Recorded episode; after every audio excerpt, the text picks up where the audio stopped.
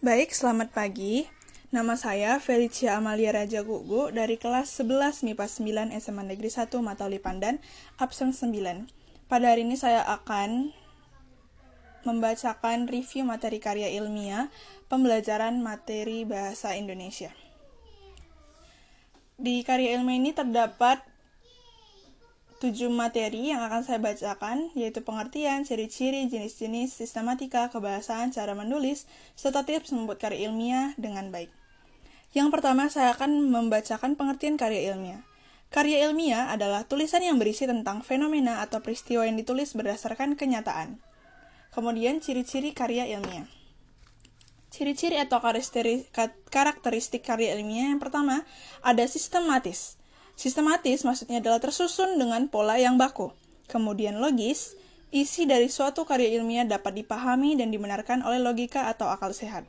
Yang ketiga, objektif. Berlandaskan teori, bukan berdasarkan pandangan pribadi penulisnya. Yang keempat, karya ilmiah, ilmiah ditulis berdasarkan fakta, bukan imajinasi penulis. Kemudian saya akan membacakan jenis-jenis karya ilmiah. Jenis karya ilmiah terbagi atas tujuh. Yang pertama ada makalah. Makalah merupakan karya ilmiah yang menyajikan sebuah masalah yang penyelesaiannya mengandalkan berbagai macam data yang ada di lapangan. Karya ilmiah ini bersifat empiris dan juga objektif. Yang kedua, ada artikel. Nah, artikel merupakan karya ilmiah yang memuat pendapat subjektif pembuatnya mengenai sebuah peristiwa ataupun masalah tertentu. Yang ketiga ada skripsi. Kita sepertinya sudah umum mendengar skripsi, skripsi di kalangan para mahasiswa di universitas. Skripsi merupakan karya ilmiah yang dibuat oleh mahasiswa untuk bisa mendapat gelar S1. Skripsi memuat tulisan berisi pendapat penulis dengan mengacu ataupun berdasarkan teori yang telah diterbitkan sebelumnya. Yang keempat ada kertas kerja. Kertas kerja itu dasarnya sama dengan makalah. Namun, dibuat dengan analisis yang lebih mendalam dan tajam, serta dipresentasikan pada seminar atau lokaria yang biasanya dihadiri oleh para ilmuwan. Yang kelima, ada paper, sebutan khusus untuk makalah di kalangan mahasiswa dalam kaitannya dengan pembelajaran dan pendidikannya sebelum menyelesaikan jenjang studi, diploma S1, S2, dan atau S3. Sistematika penulisannya pun sama dengan artikel dan makalah, tergantung panduan yang berlaku di perguruan tinggi yang bersangkutan. Yang keenam, ada tesis. Tesis merupakan karya tulis ilmiah mahasiswa untuk menyelesaikan program studi S2 atau pasca sarjana yang bersifat lebih mendalam dibandingkan dengan skripsi. Tesis mengungkapkan pengetahuan baru yang didapat dari penelitian yang dilakukan individu yang bersangkutan. Yang terakhir nih, ada disertasi. Nah, disertasi itu diperuntukkan bagi mahasiswa program S3 atau meraih gelar, gelar dokter yang mengemukakan analisis yang dapat dibuktikan oleh penulis berdasarkan dengan data dan fakta yang sah atau valid dengan analisis yang terinci. Nah, disertasi berisi suatu temuan penulis sendiri yang berupa temuan orisinal. Review materi yang keempat ada sistematika karya ilmiah. Sistematika dari karya ilmiah itu sama dengan struktur karya ilmiah. Struktur yang pertama itu ada paling atas bagian judul. Nah, syarat-syarat penulisannya yang pertama judul ditulis tanpa tanda baca akhir. Judul ditulis dengan huruf kapital semua kecuali pada bagian anak judul. Dan terakhir pada bagian anak judul huruf kapitalnya pada awal setiap kata kecuali kata penghubung dan kata depan. Bagian kedua ada pendahuluan. Pendahuluan terdiri atas empat. Yang pertama ada latar belakang masalah. Latar belakang masalah berisi penjabaran mengenai alasan pentingnya masalah yang dibahas dalam penelitian atau karya ilmiah. Pendahuluan yang bagian kedua, rumusan masalah.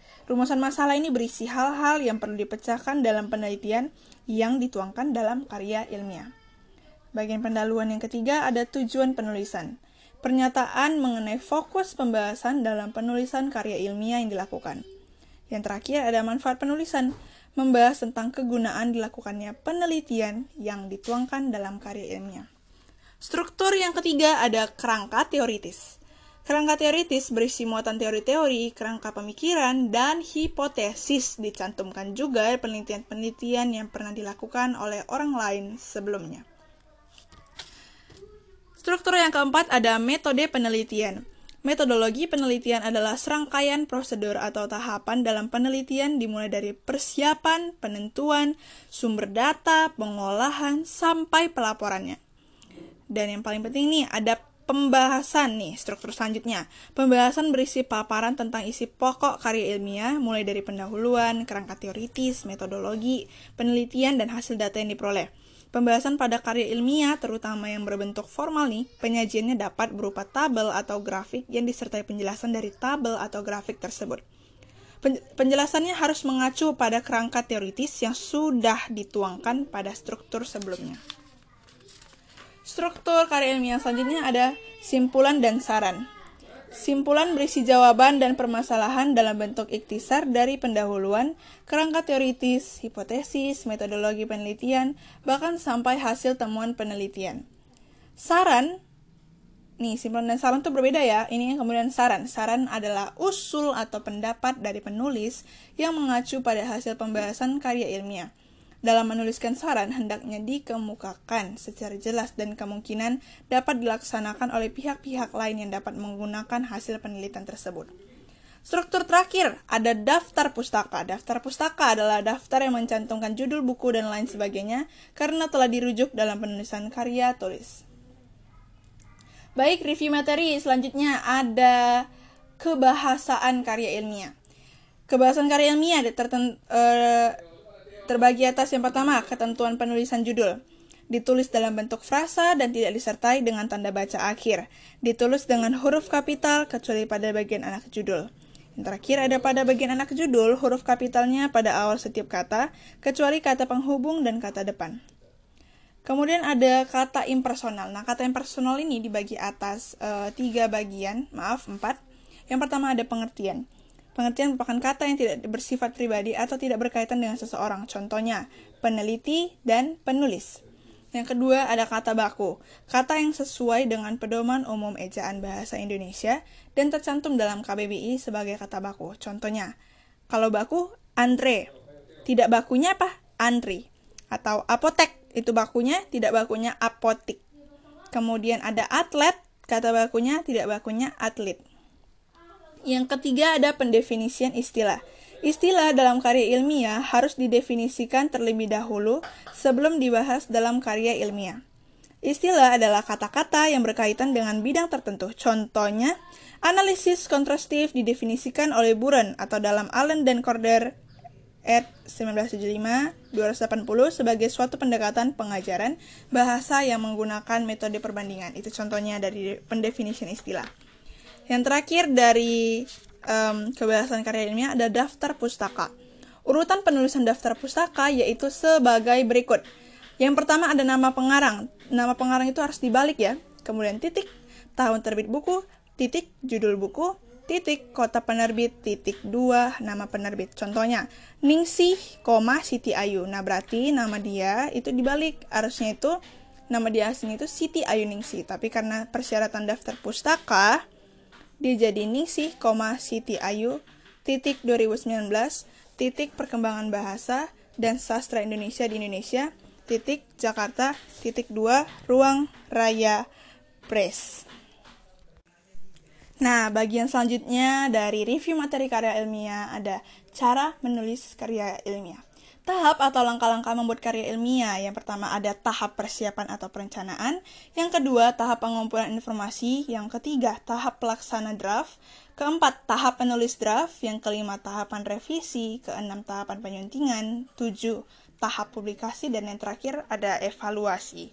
Jadi, meskipun kita sudah melakukan banyak langkah-langkah pada akhirnya, hasil dari karya ilmiah kita, kita itu akan kembali dievaluasi, baik itu oleh um, dosen, ilmuwan, atau sebagainya.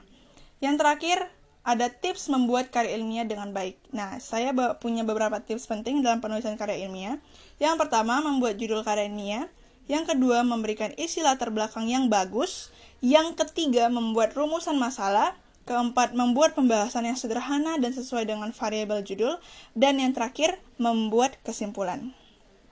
Baik, itu semua adalah review materi dari karya ilmiah. Semoga dari apa yang saya sampaikan dapat bermanfaat bagi teman-teman yang ingin membuat karya ilmiah yang bagus, baik dan benar, sehingga nanti di masa perkuliahan dapat menghasilkan karya ilmiah yang sempurna.